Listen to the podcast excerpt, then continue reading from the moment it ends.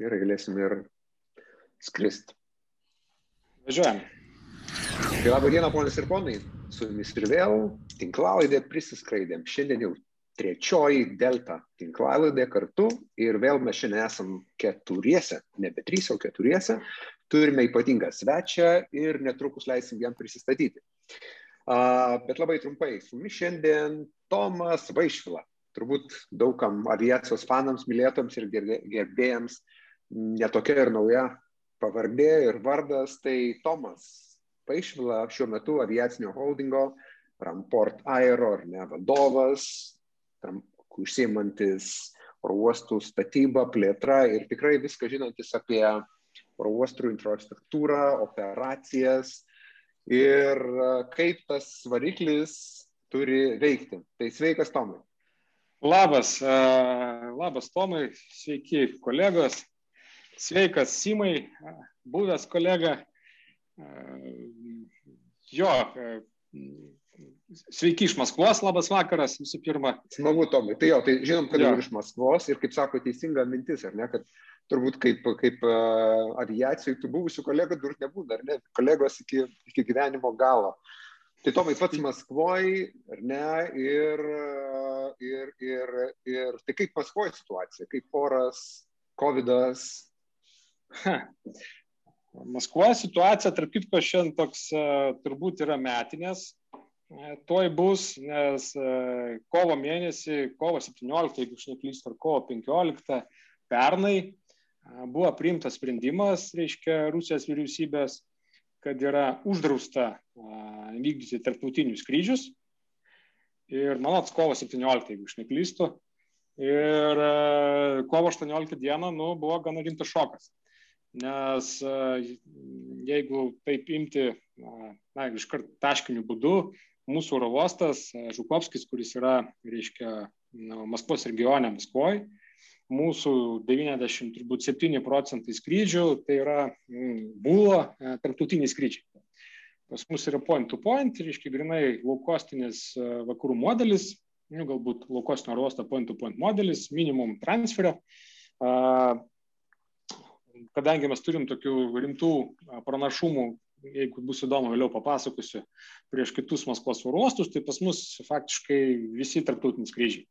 Bazinė, reiškia, bendrovė ten Uralo avialinijos, Ural Airlines, kurie išskyrus ten vasaros skrydžius kurortiniam, reiškia, ten į Sočią, visa kita tik tarptautiniai. Ten Sovietų sąjungos šalis buvusios, Kazakstanas, Kirgistanas, Uzbekistanas, Tadžikistanas, reiškia, įgimti apačią Izraelis, Europą, ten Praga, Budapeštas, Paryžius, na, visi, visi šitie dalykai, tas, kas pas mus vyksta, tai, tai tarptautiniai. Tai kovo 17 dieną gavom nutarimą, kad, reiškia, visi tarptautiniai skrydžiai yra uždaryti. Infrastruktūra vis dėlto yra ne, nemaža, mes turim du terminalus, turim keleivinį terminalą, turim krovininį terminalą. Ir ką daryti? Man toks e, turbūt žavų e, arba karmos reikalas, e, kai aš pirmą kartą atėjau aviaciją 2000, tai buvo 9 metų pradžia, reiškia, Flailalo, reiškia, Lalo istorija Flailalo, ekonominė krizė, vienas bazinis vežėjas, reiškia, sustoja, reiškia, vykdyti veiklą, Antras bazinis vežėjas, kuris ten Vilniaus oro uoste darė, ten turbūt 40 procentų, reiškia visą trafiką, mm, ar Baltikas, irgi sustabdė savo veiklą, paliko tik tai, reiškia, ten septynis, jeigu aš dabar gerai atsimenu, reisus į dieną į Rygą. Ir tu turi infrastruktūrą, tu turi, reiškia, žmonės, tu turi įsipareigojimus, tu turi kreditus, tu turi nu, daug, daug reikalų ir tu supranti, kad, vat, nu, žiūrėk, nėra nieko. Ta prasme, kovo 18 dieną pas mane nulis skrydžių. Ten kovo 17 ar 15 dieną, tai tik, tik mes jau pradėjome išeidinėti, reiškia, iš to žiemos, sezonas atsigauna, mes turėjom turėti, reiškia, 20 metais kokius 2,5 milijoną keleivių, kas yra, mums buvo neblogas, nu, geras rezultatas. Kontraktai, nu, pardavimai atidaryti, kitaip tariant, kontraktai pasirašyti, žinai, kad viskas tas bus ir tu supranti, kad to nebus. E, ir, ir kiek tai truks yra neaišku. Jo, tai ir va šiandien faktiškai toj bus metai kitą savaitę, kai tarptautinių skrydžių faktiškai nėra. Tai kaip ta Maskva laikos? Iš vienos pusės laikosi pati Maskva kaip miestas, šito COVID, numatyt, jis buvo vasara, toks gana intensyvesnis, kur iš tikrųjų miestas buvo užsidaręs, buvo ten karantinai, aš pats ir mano šeima, mes visi prasirgom COVID, sunkiai, buvo didelės baimės akis. Šiuo metu tai yra visiškai, nėra jokių draudimų, išskyrus tarptautinius skrydžius. Veikia viskas 24 valandas per parą, kavinės, restoranai, kinai, teatrai, nors to, to COVID dar yra, bet, nu, vat, tokia yra situacija, kokia yra. Dėl skrydžių po šiek tiek atsidaro rinka, labai labai pamažai. Kažkiek yra atidaryta skrydžių į, į rytų šalis, reiškia, ten į, į rytų artimo, į artimą Aziją, atidarytas ten kažkiek Dubajus, na atidaryta Turkija. Tai matyt, gegužės pirmą dieną ar ten balandžio 20, kada pasileis sezonas, mes irgi aktyviai tame dalyvausim, jeigu įdomu, šiek tiek papasakosiu apie tokius keistus naujus nestandartinius sprendimus, tai visi laukia Antalijos. Jo, tai, tai jeigu bus šitą Antaliją, nu, na, aišku, bus, tada, na, ne tai, kad iškvėps, na, kažkiek bus degonės, ne? Bus gyvenimo, bus oro. Taip. Nu, kažkiek bus degonės, kažkiek, reiškia, pajudės piniginiai srautai, pajudės tavo ten kavinės, džiutikai, nu, duty free ir taip toliau. Tai, nu, taip.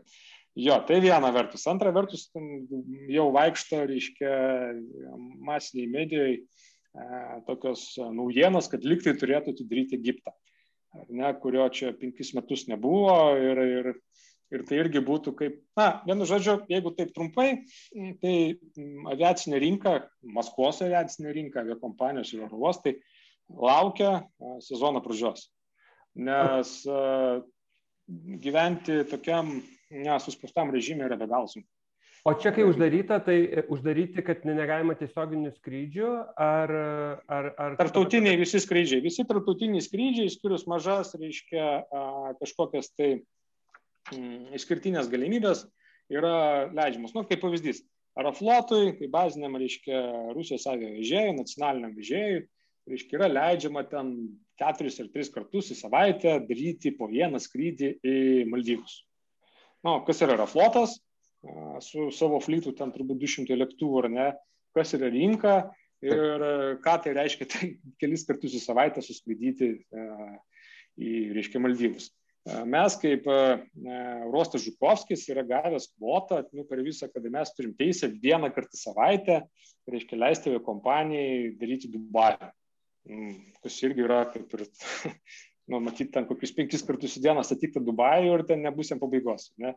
Matyti Antaliją, mano supratimu, reiškia, gegužės pirmą dieną iš Maskvos bus į dieną, na, bijau sumeluoti, bet manau, kokį 60-70 skrydžių. Jo, tai kapesičio kėdžių mes tam bandėm skaičiuoti, gal 20 tūkstančių parą bus kėdžių, gal 25, nu, sunku pasakyti, kaip tai atrodys, nes, bet turi skraidyti visi, nes kur tą lėktuvą dėsi. Nes aš suprantu, kad Europoje matyti ta pati situacija, kompanijos, kas galėjo, tas jau susimažino savo flytus, reiškia lėktuvų skaičių maksimum, kiek yra įmanoma, kas jau galėjo, leasingo kompanija matydavo viską, kas įmanoma, kas neįmanoma, bet tu visko netiduosi. Ir, ir tai turi kažką daryti. Taip ir dabar, tai nu, iš esmės sėdim, laukiam, esam pasiruošę žemam startę ir nu, jau tiek ir tiek jau beliko. Tomai, mes aišku, tokia tema įdomi ir, ir pats jis toks įdomus pašnekovas, kad milijonas klausimų, bet aš iš to strioko ir nei Simono, nepaslavinom su Simonu ir su Justinu, bet... Labas, Simai.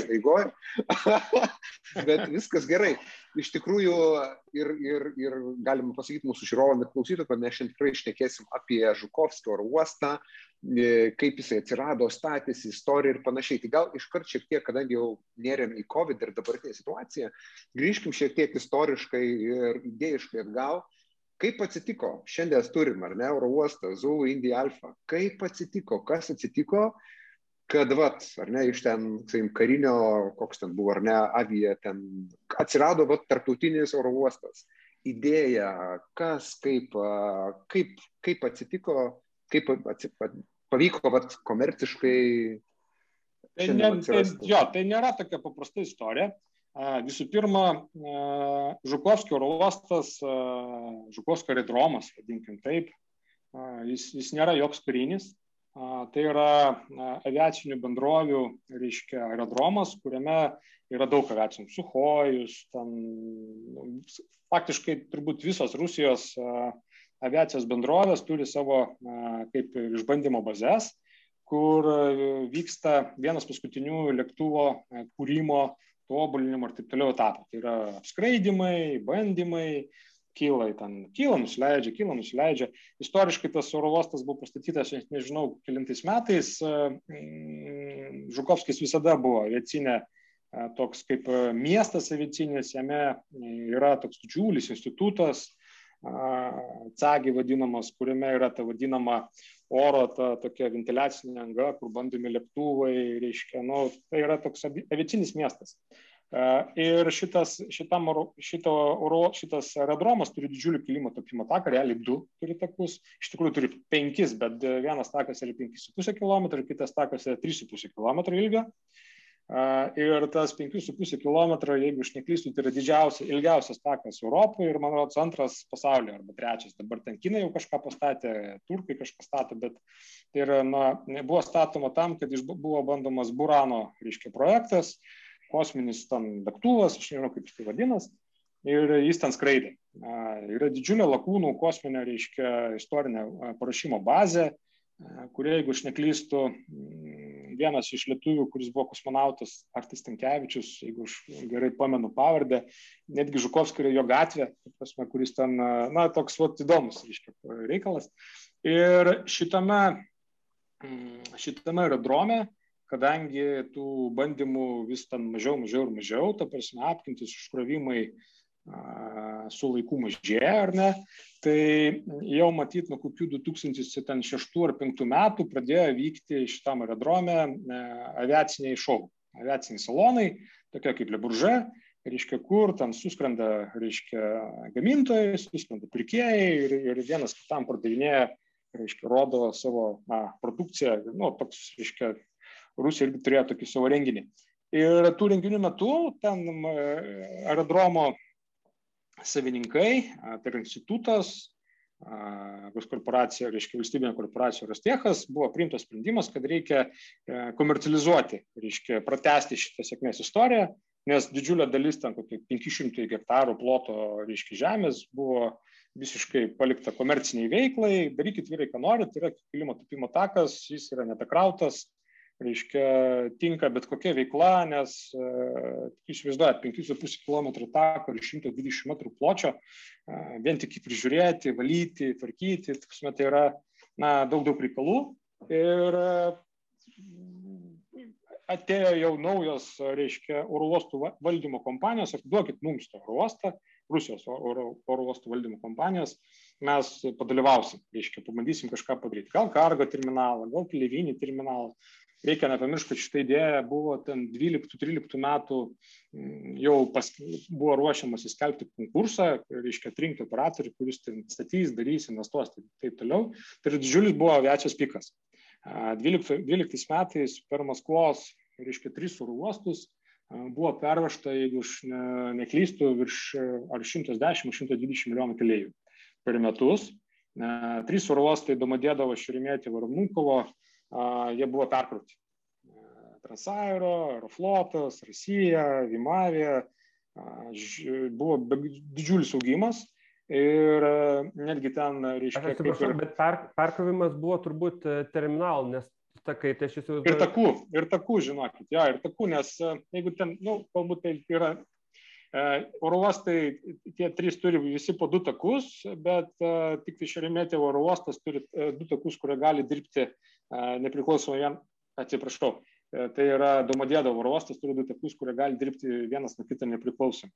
Nuko oro uosto yra a, kryžius, reiškia, ten gali taip ir taip skristi, plus Nuko oro uoste bazuojasi, reiškia, valstybinė aviacija, a, ten prezidentas skraido, pirmieji valstybės žmonės, pagal, matyti, standartinės pasaulio procedūros, kai skrenda pirmie valstybės žmonės, oro uosto erdvė, erdvė iš oro uostų pusę valandos prieš tai uždaroma pusę valandos. Sudaroma, tai nėra taip paprasta. Yra daug įvairiausių ribojimų ir buvo, reiškia, vyriausybės lygmenyje priimtas sprendimas, kad reikia plėsti oro uostus ir Maskvoje, reiškia, irgi neužtenka oro uostų ir buvo tokia bendra pakilimo banga. Ir mes į šitą pakilimo bangą papuolėm, nes patirties kaip ir ekspertizės mūsų mūsų gretose buvo nemažai.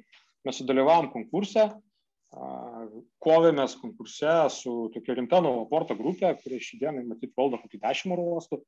Toks rimčiausias buvo ir, ir mūsų planas buvo be galo ambicingas. Trumpai tariant, nu, gaila, kad įvyko taip, kaip įvyko vėliau. Tai mūsų vienas, na, buvęs akcininkas, taip sakome, Gediminas Žemelis su savo grupe, nori, nenori, turėjo, nu, kaip pasakyti, pasitraukti šito projekto, nes nu, ir daugiau pakomentuoti turbūt sunku ką. Ir šiuo metu jau tai vyksta truputėlį kitą linkmę, bet, bet projektas nuo to nepasibaigė. Tai ką mes turėjom padaryti? Mes, kai laimėjom tenderį 13 metais, laimėjom konkursą, tai sako, sveiki vyrai, štai kilimo tupimo takas, jie du. Tiesa yra tokių mažų visokių, reiškia, niuansų. Šitam kilimo take yra uždrausta komercinė veikla. Teks matyti kažkaip jums šito takų pavydėti. Ir aviakompanijų nėra, nieko nėra, nu, vienu žodžiu, dirbkite. Tai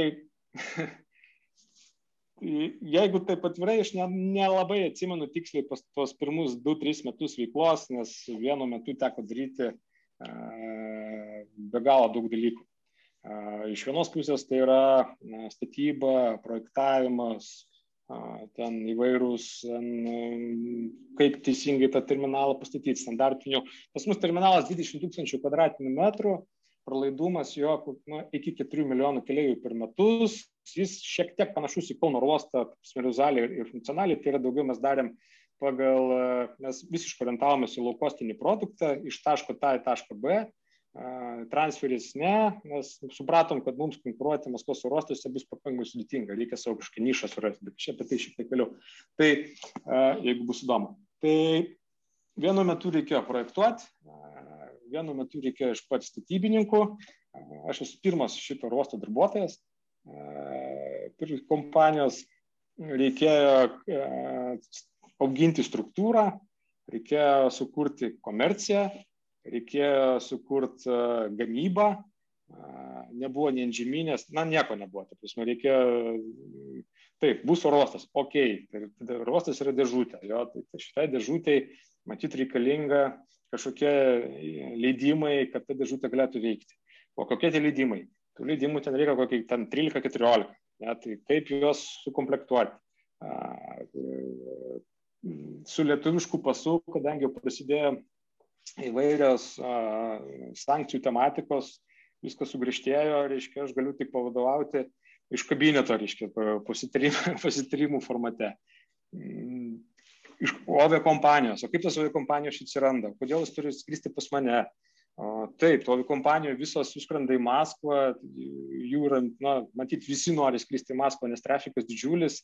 Tai čia kaip manęs susirankyti? Ar jos ateis pas mane, neteis?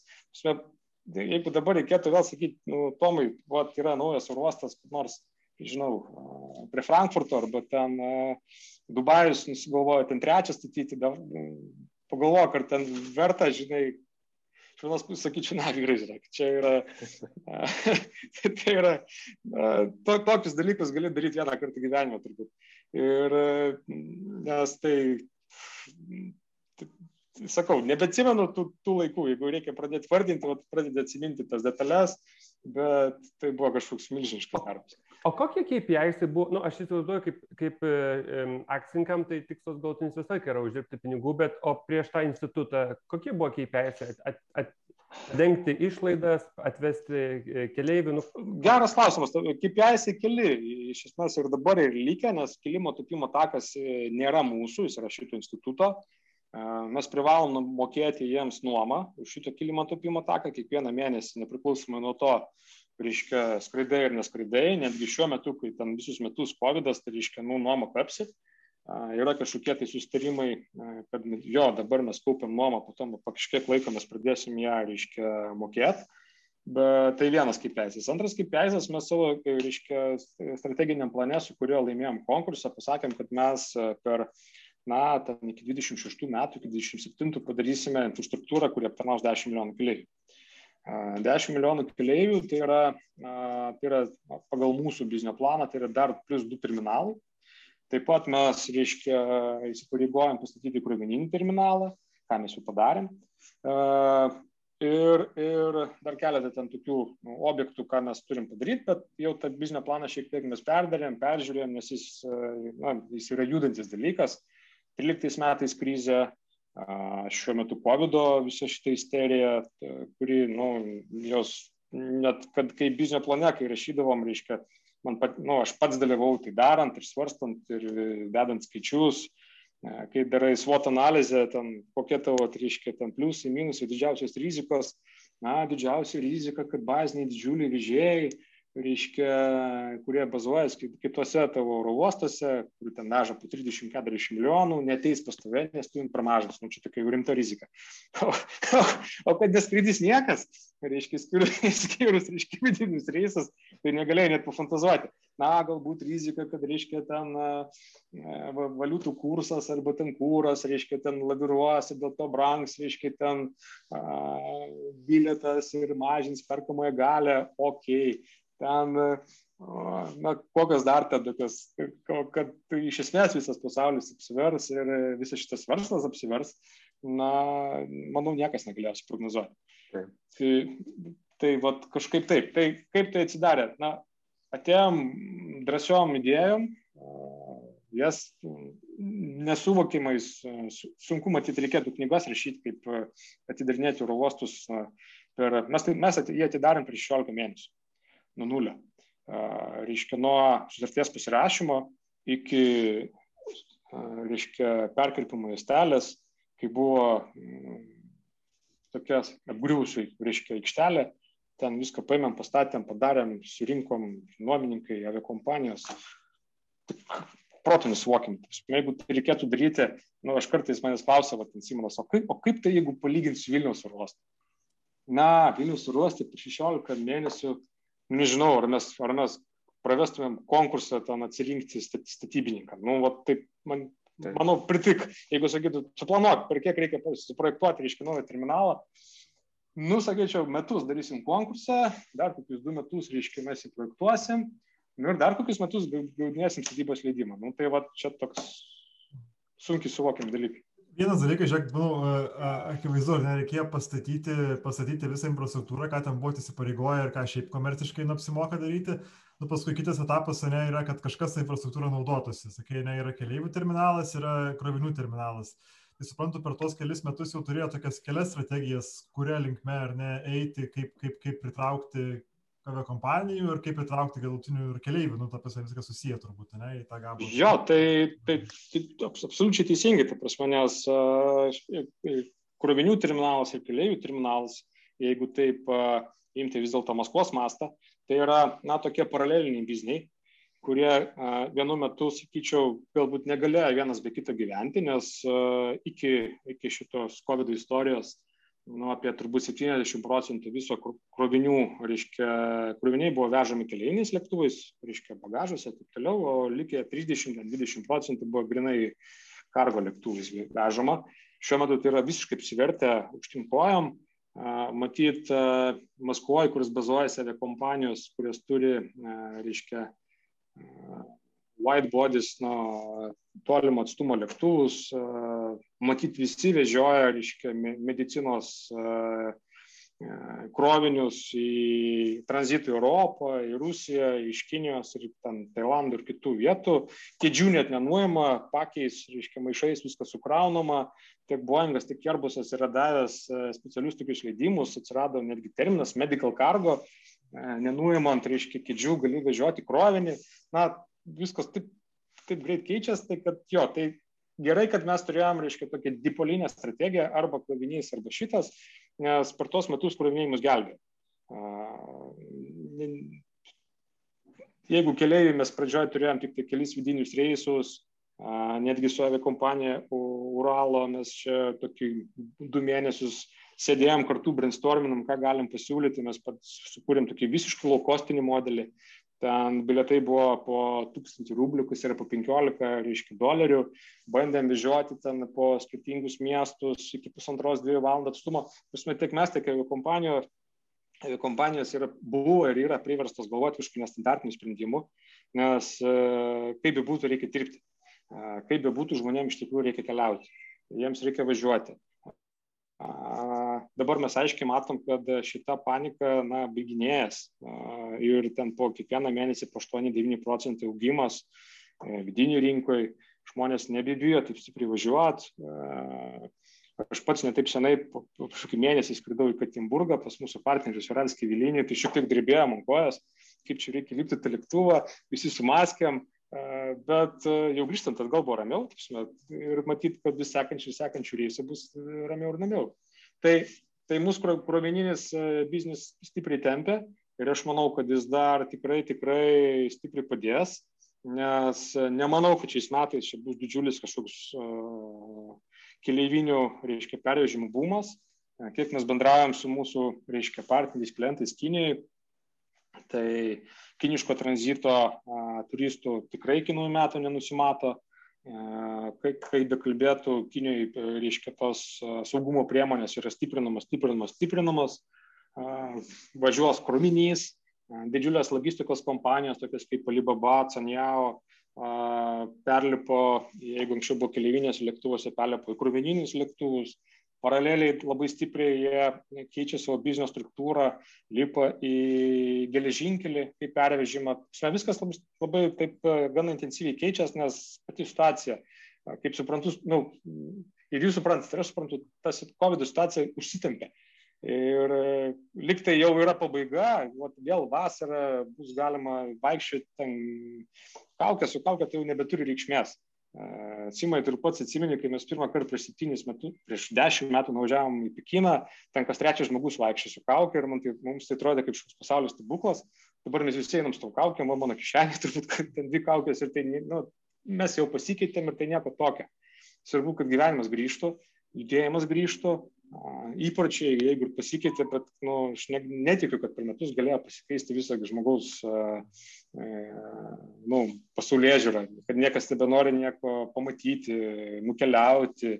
Galbūt verslas taip, verslas tai matyčiau atskira istorija, verslo kelionės, bet na, pamatysim, ši, ši vasara bus įdomi ir e, mes matysim, kas dės į žiemą. O dabar, vat, jeigu taip prie keliaivių prieinant, ar ne, ir toks bendresnis kontekstas, čia turbūt ne tiek, kad ir COVID liečiant, bet kaip ir prieš COVID buvo, kas ir turbūt po bus, turbūt net taip pasikeitė. Kaip vat, atrodo jums ta pati konkurencija, taip pačioj, bet Maskvoje, ar nesakyti, 13 metais viskas buvo aišku, net trys oro uostai, reikia nuo jų kažkokį gabalą at, at, at, atkasti. Tai kaip, kaip atrodo dabar tas, tas, tas paveikslas yra, kokie jūsų ten pliusai ar, ar, ar panašiai, nesuprantu, nusek atstumas turbūt ne jūsų pusėje, ten pasiekiamumas nuo Maskvos centro irgi turbūt ne jūsų pusėje, bet, nu, vat, kas, kas, kas, kas, kas leidžia tam keleivius? Na, čia keletą klausimų čia jo simai uždavė. Tai na, kaip tai buvo iki COVID, buvo be galo įdomu. Pirmas mano, pirma mano patirtis, tai kur avia kompanijas jūs pamatysit, tai pamatysit, reiškia, tose metiniuose renginiuose. Europos rūcai, pasaulio rūcai. Ja, tai ką mes irgi kažkada važiavam. Tai mano tokia buvusi patirtis, kad važiuoji, reiškia, į tą Rūciją, tai didžiulę tokią mūgę, kur dalyvauja kompanijos ir oro uostai. Po 30 minučių kiekvienas turi laiko ir nuo ryto iki vakaro susitinka, tarkim, ten Birmingham oro uostas su kokia nors ten įsidžiota aviakompanija. Tai tik tai tiek, kad e, aviakompanija sėdi prie stalo, tai jos diktuoja e, balių muziką, reiškia, užsako, o oro uostai eina ir sako, nu, man, aš čia toks ir toks oro uostas, pas mane čia tiek buvo krypčių, aš čia, vat, kaip mes pirmą kartą, atsimenu, nuėjom, aš čia Vilniaus oro uostas, pas mane milijonas keleivių metus, kas, kas tu toks esi? Nu, aš esu Vilniaus oro uostas, Lietuva, Lietuva, Lietuva, Lietuva, kur, kur, a, a, jo, jo, jo, jo, nu gerai, gerai, nu, ten yra regiono koks nors ten vadovas, kuris ten sėdi Varšuvoje ar ten turbūt vienoje, bet tu jam prašyk su juo pabendrauk, kad kažkas bus. Ok, tai čia tokia viena istorija. O kai tu ateini, labą dieną, aš esu Maskvos urostas. Ką? O, Maskvos, nu, tai, va, tai, tai tokia, na, sunk, man buvo, man reikėjo persversti, sakykime, ten porą dienų rūtuose, kad, nu, mūsų marketas yra koks 100-150 milijonų keliaivių per metus ir atsiplėšti 5-7 procentus, tai yra na, 7, 8, ten 9 milijonai keliaivių, tai nėra tokia big deal. Yra kompanijos, kurios, kadangi mūsų oro uostas turi didžiulį privalumą prieš likusius Maskvos oro uostus, jeigu trumpai papasakot, mes esame ne Maskvos oro uostas, o regiono, o kad teisiškai taip, pagal aviacinę teisę. O kadangi tarptautiniai skrydžiai į Rusiją yra stipriai reglamentuoti ir tiksliai tiksliai surašyta, kiek kartų savaitę, kaip pavyzdys, iš Londono gali atskristi britiškas vežėjas į Maskvą, jeigu aš gerai atsimenu, tai 21 ar 28 skrydžiai savaitę. Ir lygiai taip pat gali atskristi, reiškia, Rusijos paskirtas vežėjas iš Maskvos į Londoną. Ir niekas daugiau. Arba, kaip pavyzdys, jau kokį 20 metų, matyt, buvo, kad 21 skrydis į savaitę yra leidžiama tarp Maskvos ir, reiškia, Tel Avivo. Ir tenai 20 metų sėkmingai dirbo Aeroflotas. O kai mes atėjom, reiškia, su, o likusi kvota, ten panašiai tiek pat skrydžių per savaitę, yra palikta likusi į Rusijos oro uostą, 150 oro uostų. Ir mes toje kvotoje, kaip Žukovskis, lygiai taip pat kauname su Irkutsku, su Voronižu, su Siftikaru, jo, su, ten, nu, su visais, su visais, kuriem šimtą metų, bišimtų metų, reiškia, šitas e, Izraelio rūcas. Ir kai mes pamatėm šitą nišą ir parodėm pirmam savo baziniam vežėjai Uralo, Uralus, o, kamon, tai yra, nu, galimybių langas. Mes galim stoti į ten, kur yra ribot, ribojama konkurencija, visada yra aukštas maržingumas. Nu, matyti aviacijų, tai suprantate, net, tai visi suprantam. Ir kai pas mus atsidarė šitas komercinis langas, dėl to pas mus yra 95-97 procentai tarptautinių vežimų. Nes mes, būdami ne Maskva, esame, na, Domodėdavas yra 47 km nuo Maskvos centro, Žukovskis yra 42 km nuo Maskvos centro. Iš Domodėdavo važiuoti yra ten valandą 30, e, valandą 20 iki Maskvos centro, nuo mūsų važiuoti valandą 40 lietuviškais mastais tai yra kosmosas, reiškia, u, aš iš Klaipėdos turiu važiuoti į Kauną, kad kažkur nuskristi, Maskvos supratimu tai yra norma. Pasme, ten dvi valandas kažkur pavažiuoti, ten ryte ar vakare, nu, nu, čia toks miestas. Pasme, Maskvoje yra 12-13 milijonų gyventojų, po Maskvoje dar 12, pasme, Megapolis 25 milijonų, kečerėje. Tai, tai tie atstumai nebėra tokie baisus. O kamščiai, kamščiai yra visur. Tai jeigu kalbėt kaip bendravimas su aviakompanijom, tai yra visiškai kitas. Tu tini sakai, aviakompanija, tu skraidai į Domadėdavą, pasėmė savo kvotą, užsienio aviakompaniją, pasėmė savo kvotą ir išgavęs trys skrydžius per savaitę. Taip, tu nori daugiau? Aišku, nori, nes čia yra, na, nu, kiek pastatysi, tiek skris. Ok, va, pas mane yra ten septyniais dažniai savaitė. Nu, gali būti, gali. Ką reikia daryti? Nu, reikia sutvarkyti tokius ir tokius dokumentus. Ok, mes vieną tvarkom tokius ir tokius dokumentus. Didžiulis, reiškia, rautas, pastovus rautas, milijonai keliaivių per metus yra Tadžikistanas, Kirgistanas, Uzbekistanas. Lygiai taip pat, kaip kažkada pas mus buvo toks pats rautas į UK, ten Londonas, ten Dublinas, ten Norvegija, kur amžinas rautas, reiškia, garantuotas ten 2-300 tūkstančių keliaivių per metus. Taip lygiai tą pusę yra ten kokių ten 20 milijonų keliaivių per metus į Maskvą, reiškia, šitų regionų. Vėlgi ten yra limituotas vežėjų skaičius, limituotas dažnių skaičius ir niekas jų papildomų Maskvai niekada neskirdavo. Ateini pas, pavyzdžiui, Somonierą, kuris yra nacionalinis tudžikų vežėjas, arba pas uh, uh, uh, ten Kirgistan, Kazakstano nacionalinį vežėją. Nori papildomų skaičių? Aišku, nori. Tik tai klausimas, kaip greitai pavyks sutvarkyti reikalingus leidimus, dokumentus ir taip toliau. Ir visą šitą kelią mes iki COVID sėkmingai ten per tris metus iš esmės praėjom.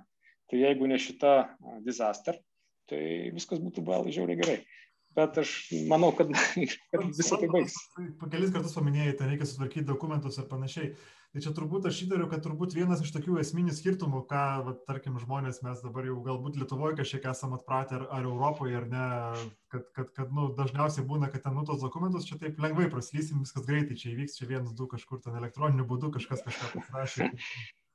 Na, jo, Lietuvo, Europos Sąjungai, kur Europoje, kur yra Open Skies, ar ne, E, norint avikompanijai pradėti skraidyti, tarkim, iš Milano į, žinau, į Helsinkį, na, manau, ten yra 24 valandų klausimas, nusinti į oro uostą, reiškia savo Jeigu yra slotas, aišku, nusinti slot requestą, orostas tai patvirtina, gavai ten 19.55, nu, ir čiašk. Tai susimokėjai avansą, jeigu reikia, pasidarai sutartį su antžeminė, jeigu tu esi neturi to vietai, tai aptarnausi, užtaikys įskaitelę ir, ir sėkmės, jeigu neliečia kūro. Rusijoje yra šiek tiek kitokia istorija. Vežėjas visų pirma turi kreiptis netgi tai, netgi ne taip to užsienio šalies, reiškia, transporto ministerija kreipėsi į Rusijos transporto ministeriją su prašymu leisti skraidyti vieną kartą į savaitę Budapeštą Žukovskis. Ok, transporto ministerija pasižiūri savo kvotų sąrašą, į tai kvota neužimta, duoda leidimą ir parašo atsakymą, galima. Tada, o kadangi transporto ministerijos tar, e, tarpusavį nebendrauja, jos bendrauja per, per užsienio reikalų ministerijas, nu, tai užsienio reikalų ministerija siunčia į kitą, tai užsienio reikalų, nu, taip, taip, vienu žodžiu, tie dokumentų suvaikščiojimai tai yra kokie šeši mėnesiai. Ir nieko tu čia nei skubinsi, nei paskubinsi, nes yra, yra tarptautinė tvarka, kaip uh, Urmas bendrauja su Urmu ir tu ten gali šokinėti su balionais, reiškia, ir ten prašyti greičiau, greičiau, greičiau, bet yra taip, kaip yra tai minimum šeši mėnesiai, kol tu gausi leidimus avikompanijai, reiškia, skristi e, šituo maršrutu. Plus prasideda, jeigu tu naujoja kompanija, jie turi priduoti savo dokumentus Rusijos aviaciją, jeigu mūsų CIA, grubiai tariant, lietuviška, ten juos versti, tvarkyti, padaryti. Na, yra tokia visai lė procedūrų, kurios, nu, yra ir jų nepabėgsi, tai kol tu jų nepadarėjai, vežėją nematysi. Nu, vėliau, žinot, vežėjas, minimum 3-4 mėnesius papardavinėti bilietų, ten pražiūrėti, kaip ten vyksta, o jeigu užsienio vežėjas, o jeigu dar kaip, kaip taisyklė, reiškia, buvusios Sovietų sąjungos, reiškia, NVS valstybių avia bendrovės yra prisirinkusios krūvą komercijos ir kitokių direktorių iš Europos senųjų, reiškia, avia bendrovių, kurios, kurie neišvengiamai yra praėję kur nors gyvenimo etapą. Rainėje, Vizėje, EasyJet'e, yra prisigaudė tų laukostinių, reiškia, gudrybių. Kiek tu man mokėsi, kada skaidysi? Nu, sakau, Hebra, nu, vat, kai mes būsime Europoje, mes jūs galėsim su jumis taip išnekėti. Tai čia ne kiek tu skaidysi, kiek tu nori zuikį skaidyti ir kiek tu turi galimybių. Nes, nu, kaip tai? Nu, tai, nu, ne tu, tai kitas. Tai, tai, tai vat, uh, skirtumai didžiuliai. Bet, čia, jo, tai visas tas kelias ilgas yra, bet, o tai vat, kaip tai susiklostė, kad vis dėlto fokusas tarptautiniai patapo, nes turbūt vidinius tai paprasčiau, turbūt e, nu, vidiniams skrydžiams nėra tiek daug turbūt pačių ribojimų ir turbūt ta vidinė rinka Rusija šiaip didelė yra. Ne? Jo, vid, vid, vidiniai skrydžiai yra neribojami. Tai yra, nuo vidų yra kaip Open Sky, kur nori ten skristi, ten nėra nei kvotų, nei nieko. Uh, antram etape mūsų plėtros, na, pirmame etape mūsų terminalo ir, ir turimų paskirimų, reiškia, kaip kreitelė, yra pakankama užpildyti tarptautiniais skrydžiais terminalą. Tai viena. Tarptautiniai skrydžiai atneša visiškai kitokias pajamas oro uostų negu vidaus skrydžiai. Yra kita tarifikacija, veikia duty free ir taip toliau. Tai yra, na, skirtumas grubi keturi. Jeigu ten, jeigu ten, jeigu imti vidurkį, vidinis skrydis tavo atneša kaip dolerį du, tai per vieną keleivį, na, viską, viską sudėjus, tai tarptautinis keleivis, netgi jeigu veža e, Rusijos avia bendrovė, tai yra nu, minimum ten 6-7 doleriai. Minimum. Jo, tai, tai yra, na, ar, ar dirbti pasiimti 7 dolerius ar pasiimti 2. Taip, skirtumas yra, nu, akivaizdus. Tai pirma. Antra, vidiniai skrydžiai reikalingi tada, e, kai atsiranda transferio, reiškia, modelis. Nes tai yra jau visiškai hubas, iš vidinių, reiškia, skrydžių susirenki, susirenki keleivius, ryte sudėdė tarptautinį skrydį, nuvažiuoji tenai ir po to vakarė grįžti.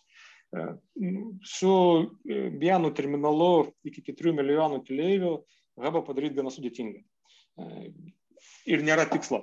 Tai yra pakankamai point-to-point keliaivių, kad tu galėtum tai uždirbti, kai mes jau, nu, mes turim planą statyti ir turim iš esmės jau projektinius sprendimus, kaip statysim antrą terminalą. E, kokio jis bus dydžio, kokie bus tranzitai, tai jau, tai jau bus hubinio modelio, reiškia, oro uostas, terminalai, kur, kur mes jau galėsime aptarnauti vidinių skrydžių, nes be vidinių skrydžių jau yra pakankamai sudėtinga tai padaryti.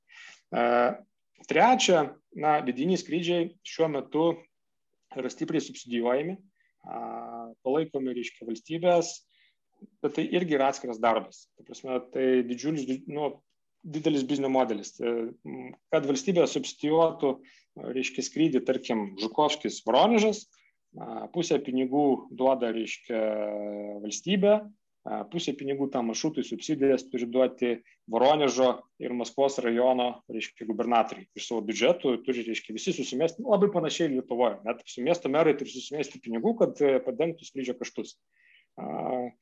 Galbūt Voronežo merui tai įdomu, bet Maskvos apskrities merui, kurio e, vienas iš oro uostų yra Damadėdavo, kuris veža po 40 milijonų keleivių, tai turbūt nėra toks big deal reikalas turėti antrą uostą, kad dar ten pafinansuoti. Tai, tai dėl to mes turim kažkokių tokių ir mes nesiveržėm į subsidijas, nes tai yra, sakau, visiškai atskiras verslas, tai yra atskiras darbas, kam var, nu, nevargti, kam akcentuotis ten, ten, kur gali uždirbti 2 dolerius, kad iš tikrųjų gali uždirbti ten nu, 7. Mhm. Tai šitam etapė tai, tai nėra tas darbas, kurį reikia padaryti.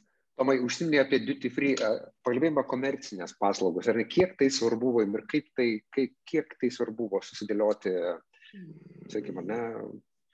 Tai, kiek, na, tai, tai, visi, tai, yra, vis, tai yra vis, visiems svarbu. Tai yra, tai visiems svarbu, pasaulinis trendas, kad neveicinės pajamos e, turi, na, bent jau per pusę būti su veiciniam pajamom, tai yra be galo, be galo, nu, tai yra svarbu viena.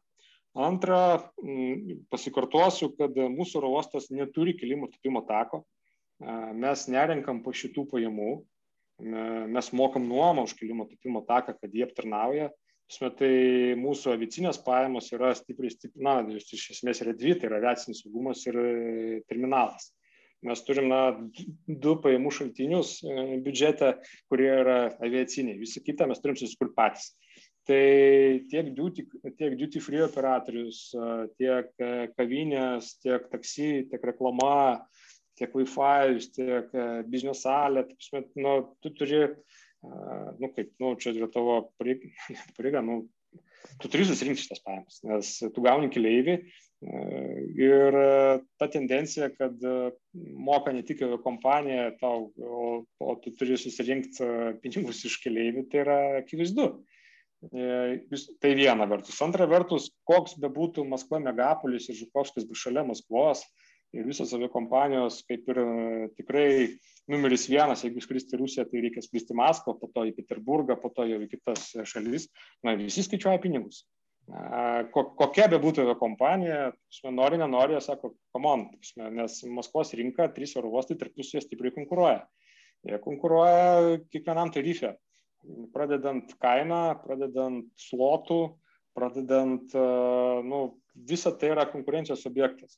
Ir tu negali sakyti, okei, okay, pas mane yra langas komercinis, kur tu gali papildomai skristi, reiškia, į Tel Avivą, bet tai kainuos tris kartus brangiau.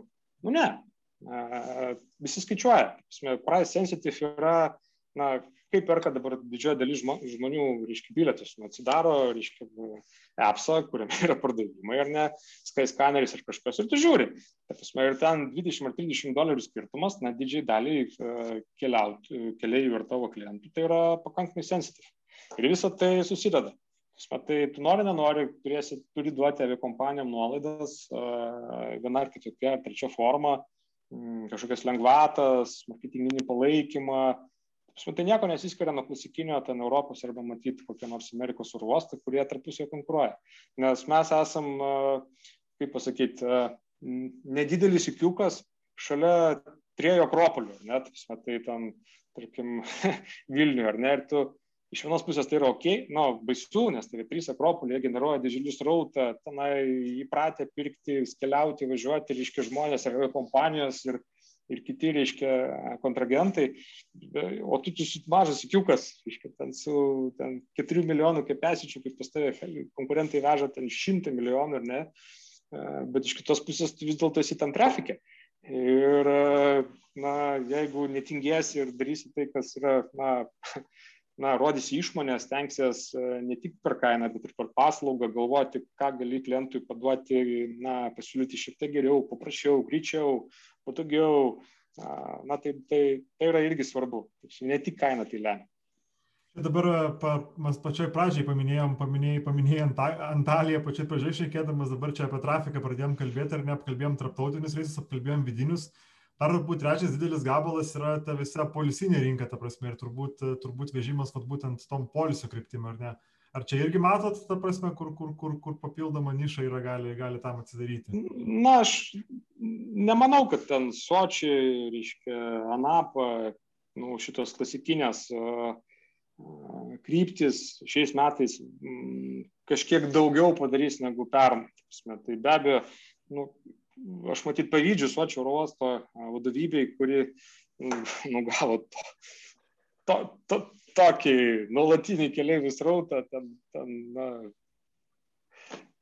gavos kaip gavos. Bet be, be jokios abejonės, kad miestas, kuriame buvo olimpiada, tai turėjo gerai laikytis ir oro uostas turėjo na, tikrai rimtas e, konkurencinį, rimtą konkurencinį pranašumą, bet šiuo metu, nu, tai aš manau, kad tai yra numeris vienas, ar ne, be Maskvos. E, tai žmonės priprato, manau, jau ten keletą metų, reiškia, vasarą bus, nu, manau, kad kažkokį 15 minučių iš visų Maskvos oro uostų tokių, tokių dažnių skrydys į Sočį, e, tą patį Simferopolį, kur ten, ten 2,5 valandos skrydžio, bileto kaina bus ten 2000-2500 rublių, kas yra, tam, matyti, 25 doleriai, ar ne, tai ten bus toks, nu, nesustojamas rautas. Bet, nu, mes laukiam ir kitos rautą. Aišku, šitos klasikinės, tradicinės, jau tapusios tradiciniam polisio destinacijom, na, okei, okay, tai yra kažkoks garantuotas žmonių ir pajamų, pajamų šaltinis, kurį tu gali planuotis ir tiksliai žinoti, kad bus, bet tai, na, kaip pasakyti, vien iš to, vien to negana. Jeigu plėstis, o reikia, na, visada norisi plėstis ir eiti toliau, toliau to biznio planu, kuris yra numatytas, nu, ir reikia, kad pas, situacija pasikeistų pasaulyje. Ir ko mes žiauriai stipriai laukiam. Aš čia tuo tarpu e, Google Maps'uose žiūrinėjau, žiūrinėjau oro uostus, tai žiūriu Šeremetėvo, Domodėdavo, tai turbūt ir Vnukovo turi geležinkelių šalia. O, o... Mes irgi turim. Tai čia tas e, fabrikinė stotelė, ne, ar kažkokia yra atšaka? O, od, odh yra stotelė. Mes irgi turim geležinkelį. Jeigu, čia įdomi istorija, ta prasme, tai mm, kai mes mm, na, projekto mm, statybos, reiškia, procese, kai mes statėm, ieškojame kompanijų, kadangi šitą oro uostą vartotojai pažinojo per aviacinį šou, per šitą renginį, per, reiškia, per Maksą, kuris ten vyksta ten kartą į metus, per kurį savaitgalį, reiškia, šitą renginį aplanko pusę milijono reiškia, lankytojų per penktadienį, šeštadienį, sekmadienį. Tai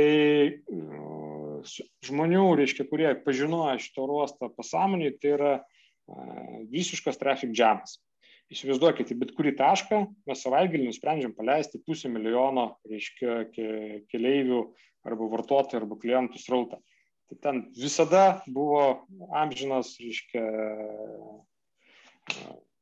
nu, dakeliauti iki, dasigauti iš Maskvos, reiškia, iki, iki Žukovskio, tai 4-5 valandas. Reiškia, per šitos renginius.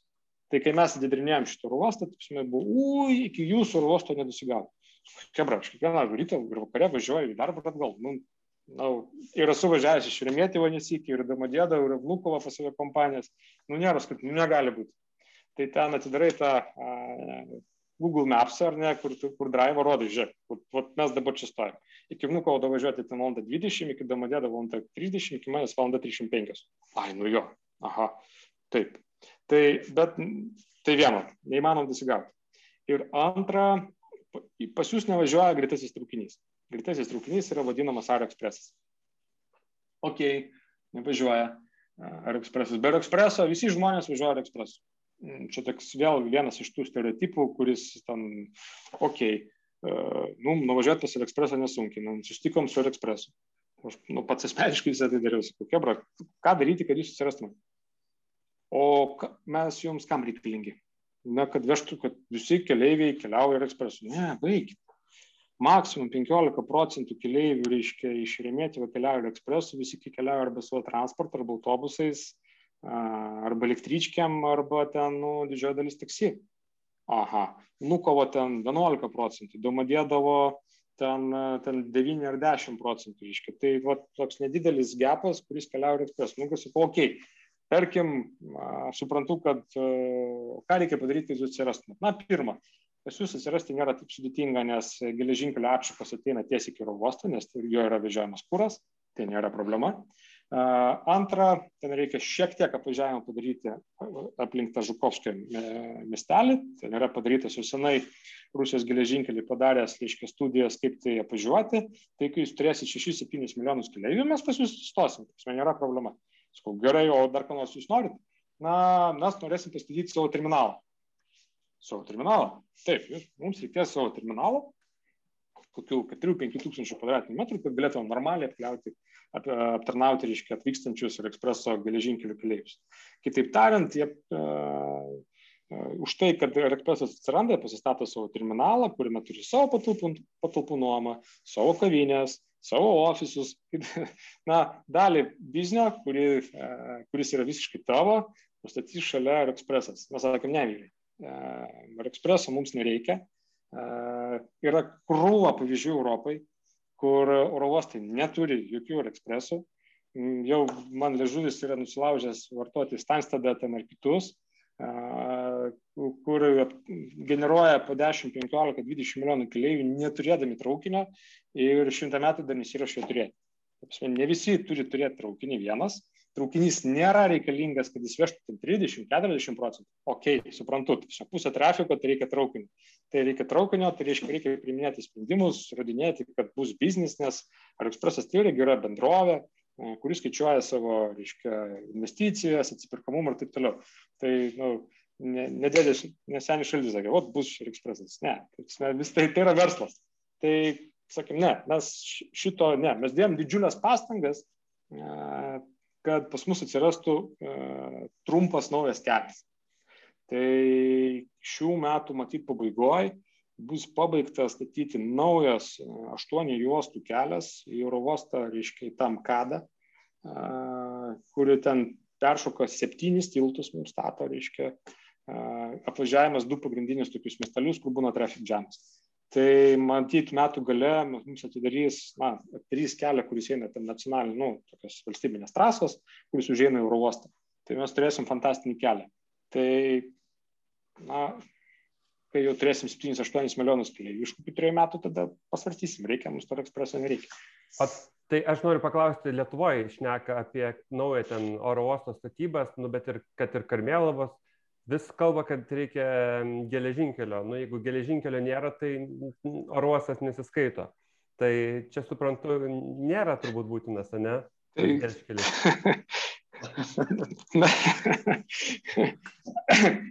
Gera. Kaip čia, intriguojantis klausimas, ar ne? Visiškai nepatrukdė Kauno oro uostui padaryti milijoną keleivių neatsimenu kelintais metais, 10 ir 11, neturėdamas jokio geležinkelio, atsimenu, Rendas Šliupas atsivedė Rainierą, pastatėm ten, jie pastatė 3 ar 4 lėktuvus ir, ir jis puikiai generavo keliaivų srautą. Matyt, ne geležinkelio esmė. Aišku, jeigu, jeigu čia nu, ne apie Karmėlo kalbėti, apie naują oro uostą, jeigu mano nuomonė tokia kaip šiokio tokio eksperto šito, šitoje srityje, jau ten daugiau negu dešimt metų. Tai matyt, statant a, naują oro uostą kažkur, be abejo, reikėtų ir geležinkelių. Tai nėra blogai, nes geležin, tuo labiau, kad geležinkelio pervežimai, na, jie patogus, saugus, jiems nebaisu nei sniegas, nei lietus, gali ir krovinį pavyzdžioti, ir konteinerių užmesti. Ir, tai nėra blogai, bet ir tai yra ten toks jau ypatingas klausimas, ypatingai Lietuvoje, kai iš, na, aš pats klaipidėtis iki Vilniaus gerai pagazavęs, gali per 2 valandas 50 važiuoti. Ir jeigu ten skrydis yra 9.50, tai matyti reikia 8.55 būti oro uoste, turėti atsibordinus, reiškia, šitą, tai iš Klaipėdos reikia išvažiuoti, jeigu sustoti Kaune, reiškia, statuolį, ar kaip dabar tai vadinas, nu, tai matyti kokius 5.50, 5.55 reikia išėti iš namų. Jo, vasarą, nu, žiemą turbūt 5 minutės dar didėti, kad nusigramdyti stiklus, reiškia, nusniego. Ar tai yra, na, kiek kainuoja, na, vis, viskas gerai pinigai, Esmė, jų niekas nespausdina, įskyrus, matyt, bankus ir mm, kai kurias organizacijas, reikia skaičiuoti, ar tai ar visų pirma, naujas oro uostas, ar tai yra socialinis projektas, ar tai yra komercinis projektas. Jeigu tai yra socialinis projektas, tai ar iš tikrųjų reikia investuoti geležinkelį, o gal, o gal reikėtų investuoti savo nacionalinę bendrovę, matyt, tai būtų panašus pinigai. Ar reikėtų ten, nežinau, duoti kokią didžiulę subsidijų programą kokiam nors ten antriem, tretiem, penktiem žėjim. Nu, nežinau, tai, tai čia toks. Čia suprantu, ar... Vizėjas ir Ryanairas į Vilnių netėjo dėl to, kad buvo ta atšaka padaryta geležinkelio. Ne, ne. Vizėjas ir Ryanairas e, į Vilnių atėjo dėl to, kad mes penkis kartus sumažinom savo išlaidas. E, pagaliau supratom, kad pinigai e, mokami ne, ne iš bagažo skyriaus iškrenta pinigų maišas, iš to, kad tu kaip kiekvieną, reiškia, keliai aptarnauji ir ten susirinkti savo tos 3-4 eurus, bet norint tai padaryti, reikia turėti ne 1200 darbuotojų, turbūt 200 darbuotojų, kad, na, tai reikia pakeisti visą mentalą. Tai, ger, tai lygiai taip pat pas mus, pas mus dabar mūsų Žukovsko oro uoste mes neturim 122 komercijos kokių nors vadybininkų, kur kiekviena kompanija aptarnauja ten kokie trys vadybininkai, viena mergaitė, kuris siuntinė prezentacijas, ne. Norint dirbti efektyviai ir uždirbti pinigus akcininkam, turi būti, reiškia, maksimaliai efektyviai išlaidų bazė. Be šito nieko nebus. Šita krizė, matyti, yra geras pavyzdys daugelį verslo šakų, kad bet koks pertiklinis, reiškia, mm, reikalinga tik tai, kas reikalinga. Tau reikalingas tiek valytojų, kiek iš tikrųjų reikia išvalyti terminalą. Tau reikalinga tiek e, apsaugos darbuotojų, kiek iš tikrųjų tau jų reikia. Tau reikalinga tiek inžinierių, kiek ne, septyni, kad vienas kitą ten pavaduotų, kad galėtum turėti kokį nors ten rimtų brainstormo, ar mes tą šlagbaumą šitai pastatysim ten ar šitai, gal jį žaliai nudažom. O tam, kad jis atsidarnėtų, nesugestų, kad būtų inžinierius, kuris jeigu užstrigo, atbėgo, jį atidarė, ir kad būtų gera, reiškia, apskaitos programa, kad matosi, kiek tu per parą surinkai pinigų. Ir e, savaitės pabaigoje pasižiūrėjau, aha, man savikaina tokia, mano pajamos tokios, reiškia, ar aš pataikiau kaip esmė, nepataikiau. Jeigu nepataikiau, tai e, kasau savo galvą ir galvoju, kaip tai padaryti efektyviau. Tai vat, matyti atsakymas yra šitas. Ar tai komercinis objektas, ar tai socialinis. Mano galva, kad kuo daugiau, bent jau aviacijoje, yra komercinių projektų ir žiūrima per komercinę prizmę, tuo visa rinka yra sveikesnė. Ir tada na, nebūna kvailų klausimų ir nebūna kvailų sprendimų. Tu žinai, kad tu turi aptarnauti šiais metais, mes planuojam padaryti vėl 2,5 milijono keleivių. Man reikia va, tiek autobusų, man reikia tiek darbuotojų, man reikia tiek kūro, man reikia tiek elektros, man reikia tiek e, perono. Ir jeigu aš visą tai nu, neturėsiu, tai aš neaptarnausiu jų. Jeigu aš neaptarnausiu, kitais metais, kai rinka vėl auks, man jau bus sunku pasakyti, Hebra, aš pernai buvau nepasiruošęs, nu, mes čia, nu, krizė, supraskit, rinka to, viskas yra daug, daug paprasčiau. Arba tu, arba tu to užsiemi, arba, arba tai socialinis projektas. Tomai, labai įdomu, grįžkim šiek tiek į kitą, negrįžkim, o kitą temą. 19 metai ir pats užsiminė apie Sinteropolį, iškart mintis apie uh, Uralo skrydį Airlines, ar ne, į Simferopolį ir tą incidentą, Bird Strike'as. Kas vyko, kaip atrodė, kaip vyko tyrimas, ar ne, kas, ką gavo šiandien, tos rekomendacijas, labai įdomu šitas. Galim daly, mūsų klausytam priminti, ar ne, 19 metai, rūpjūtis ir 200 keleivių ir po pakilimo. 223 keleiviai, iš jų 7 ar 8 vaikai, aš gerai atsimenu. Tai buvo rūpiučio, tai buvo labai senai, visų pirma. Tai tiek laiko praėjo, kad bet kai kurių dalykų neįmanoma atsiminti, neužmiršti. Tai matyt buvo 17 ar 16 diena, matyt tai buvo ketvirtadienis. 5.40 skambutis ryte, skambina dispečeris, pas mus, na, nu, kaip ir visuose matyti ir uostose, algoritmas, kas, kas vyksta, skambina dispečeris, pakilo lėktuvas ir jis nukrito.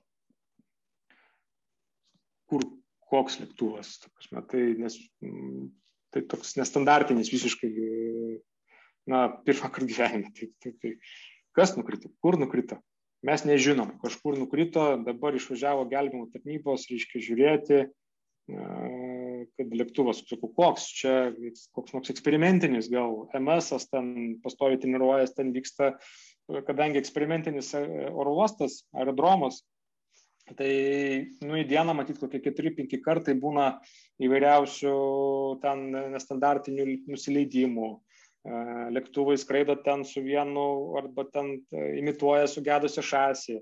Ten na, daug, daug, daug dalykų nu, vyksta su tiek su Hojus pradžetu, tiek su MSU, jie ten vis tobulina, tobulina kažką, nu, daug, daug dalykų, taip prasme, kad skambina ir sako, ten kažkoks lėktuvas, ten toks, toks reisas, ne, nu, toks numeris, ten eina su neatsidarytų sparnu. Nu, to, reiškia, ratu. Nu, okei, okay, prasme, tai, tai visi, visi suvažiavo, sėdė, laukia, kas bus. Nes Tai sakau, o koks kas čia? Sako, Uralas. Uralas? Nu, tai iš tik, tai kas su keliaiviais, su keliaiviais. Tai a, turbūt 6.20 aš jau buvau oro uoste. Tai per 40 minučių a, buvau oro uoste. A, ir jeigu taip atsiminti, matyti vakare, kokią 8 valandą, žiūriu, kad man jau, jau labai, na, labai blogai jaučiuosi, plyšta galva, kažkas atsisėdau kažkur ten jau, jau keliaiviai įsivaikščiojo, reiškia, niekas nežuvo, niekas net rankos nesusilaužė, visa ta, visas tas procesas jau baigęs. Atsiminiau, kad iš į tualetą nebuvau prie dieną nubėgęs.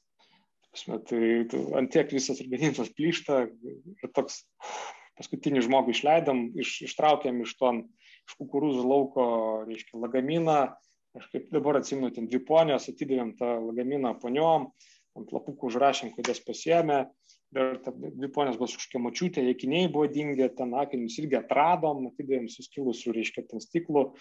Ir, ir vat, kai visą tai baigęs, taip ir aš supratau, ko, kokio masto galėjo, prasme, kaip mums stipriai pasisekė, kad iš tikrųjų, nu, išskyrus, sakykime, tą avariją, nu, niekas nenukentėjo.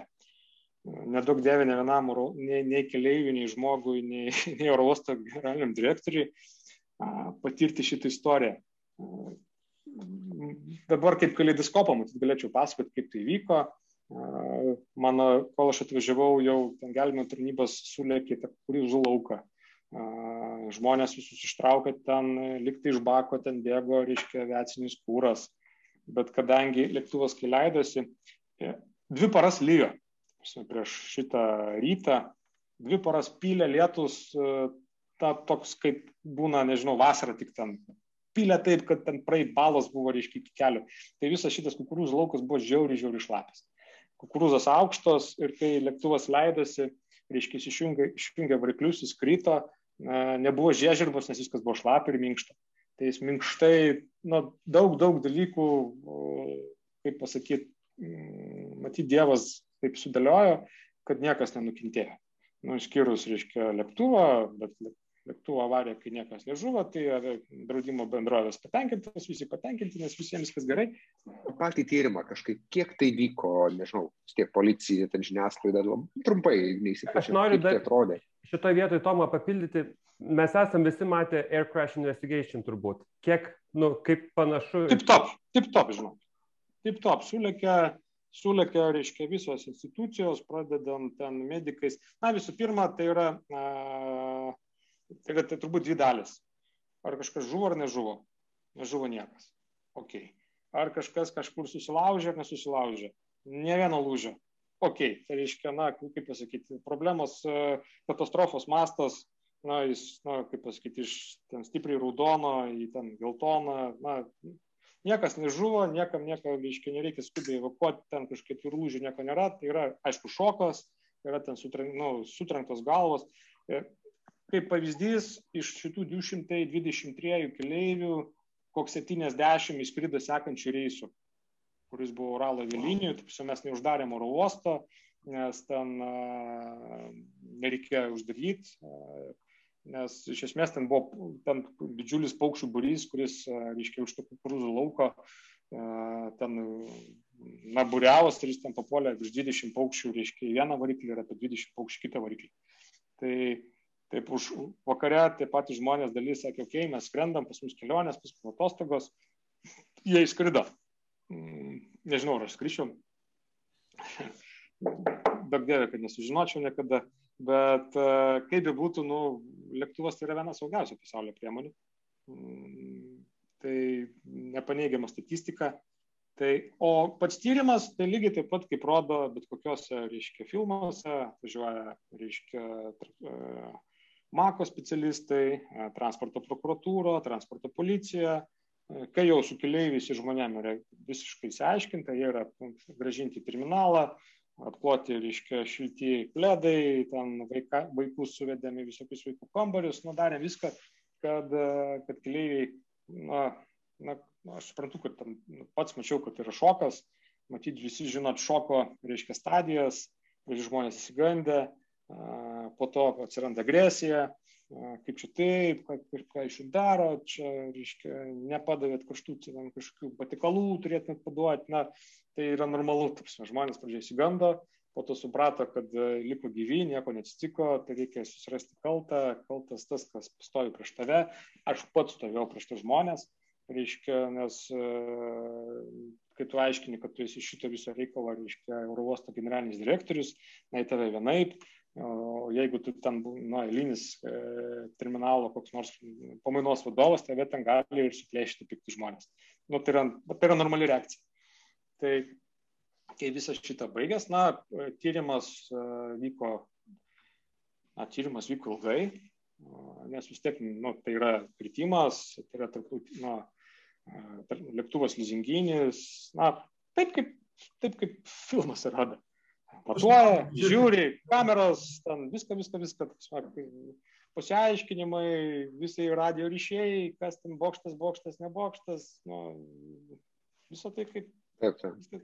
Dabar žiūrėk, pačiai jau pabaigai turbūt, ar ne, mes jau daug prišnekėjom, tai vis tiek sugražinsiu gal biškai prie tos komercinės veiklos ir operacinės ir tokios labiau globalios veiklos, ar ne, ir apjungiant tas mūsų temas, ką šiandien šnekėjom, ar ne, kaip, kaip, kaip pastatyti oro uostą, kaip valdyti, kaip atėjo COVID, viską iš principo nubraukė daug dalykų.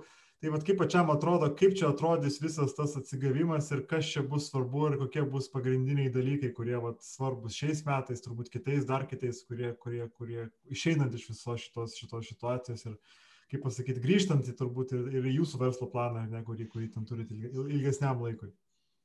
Na, matyt, čia kažkokių unikalių išvalgų nepadarysi. Yra matyti yra rimtesnių prognozuotojų negu aš. Airbusas, Boeingas, kuris matyti yra rimti, vieni rimčiausių, nu, kartu su AJATA indikatorių rinkos, rodo, kad 2022-2023 metais jų prognozijas rinka stipri, na, labai sparčiai atsigaus. Mes žiūrime bazinių tokių didžiųjų kompanijų reiškia prognozes ir jų planus, na, e, naujų lėktuvų, nes kas yra rinkos atsigavimas? Ar lėktuvų skaičius didės, ar lėktuvų skaičius nedidės. Tai panašu, kad lėktuvų skaičius šiai dienai, kur yra ten apie 20 tūkstančių lėktuvų visam pasauliu, ar ne, du trešdaliai matyti e, dabar arba pusė jų stovi ant e, betono, pusė skraido. Tai pagal visas prognozes, kaip tai atrodo, manau, kad 2022 metais turėtų tai atsigauti viena forma ar kita, ar tai bus maskės, ar tai kaukių naudojimas, ar tai bus privaloma vakcinacija, ar tai elektroninis kažkoks tai ten, mm, nežinau, čipas ar tam pasas, tai neturi reikšmės, jeigu atsiminti e, mm, brolių dvinių, reiškia, katastrofą, ten per kokius tris mėnesius greitai visas pasaulis susisgrybo, pastatė papildomos aviacinio saugumo ten mašinas, priemonės, įvedė krūvą krūvą visokių ten video stebėjimo reikalų, kad galėtų kuo minimizuoti šitą riziką. Lygiai taip pat, manau, bus ir čia. Žmonės kaip keliauja, taip ir keliaus. Gal mažiau, gal daugiau. Verslo kelionės, na, kaip be abejo, ten priprato verslas bendrauti Zoom'u ir spręsti, reiškia, sandorius. Nu, bet gal aš jau šiek tiek esu per senas, bet tai yra ne tai. Big deal ir daug dalykų yra daromi per asmeninius santykius, per asmeninį bendravimą, Lygiai taip pat, kaip mes kažkada atvydinėjom Rainierą ir Vizėrą į, į, į, Liet, nu, į Vilniaus oro uostą, nežinau, ar mes Zoom'u būtumėm tai padarę, nes tai yra N plus K dalykų, niuansų, kur tu turi susitarti, kažkur pasiekti kompromisus ir taip toliau.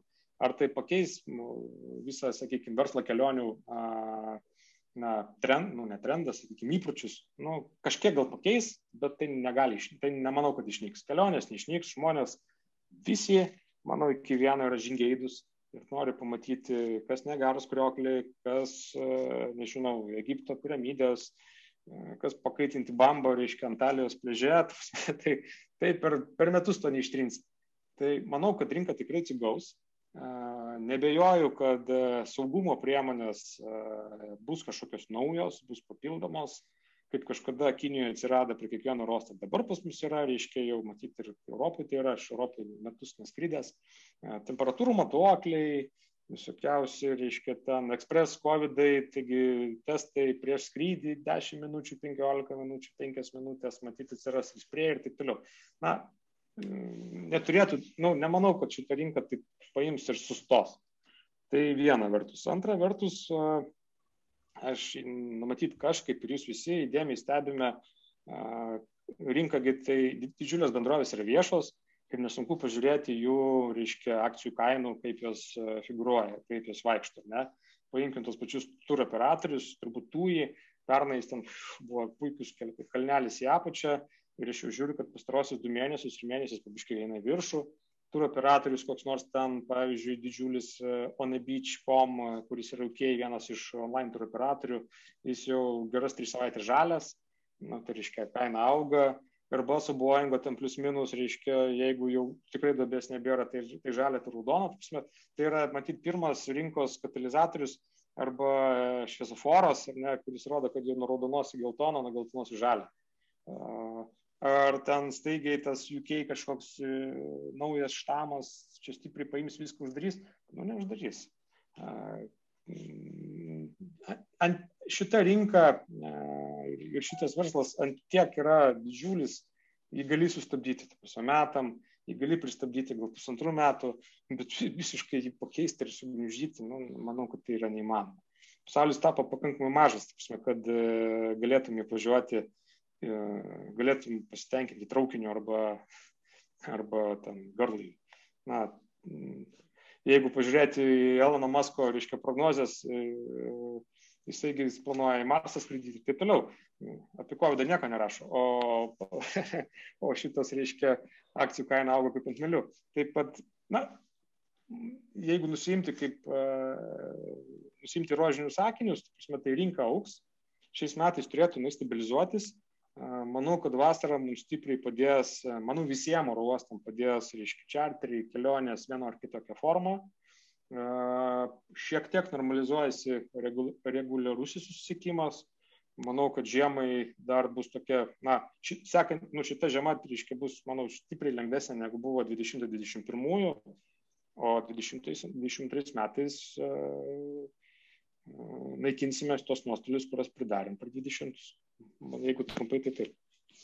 Tomai, ačiū be proto, buvo žiauriai įdomu, žiauriai galėtume dar šnekėti turbūt valandą kaip minimum. Ačiū už, už, žinai, už realistiškai pozityvę, žinai, tavo prognozes, išvalgas, pasidalinimo patirtim, nes iš tikrųjų, wow, tikrai labai įdomu. Tai linkim, kad nebūtų tų algoritmų, tų atvejų, kai reikia tais algoritmais blogais vadovautis ir, ir, ir kad būtų tik, tik, tik tai sėkmė ir, ir ačiū dar kartą.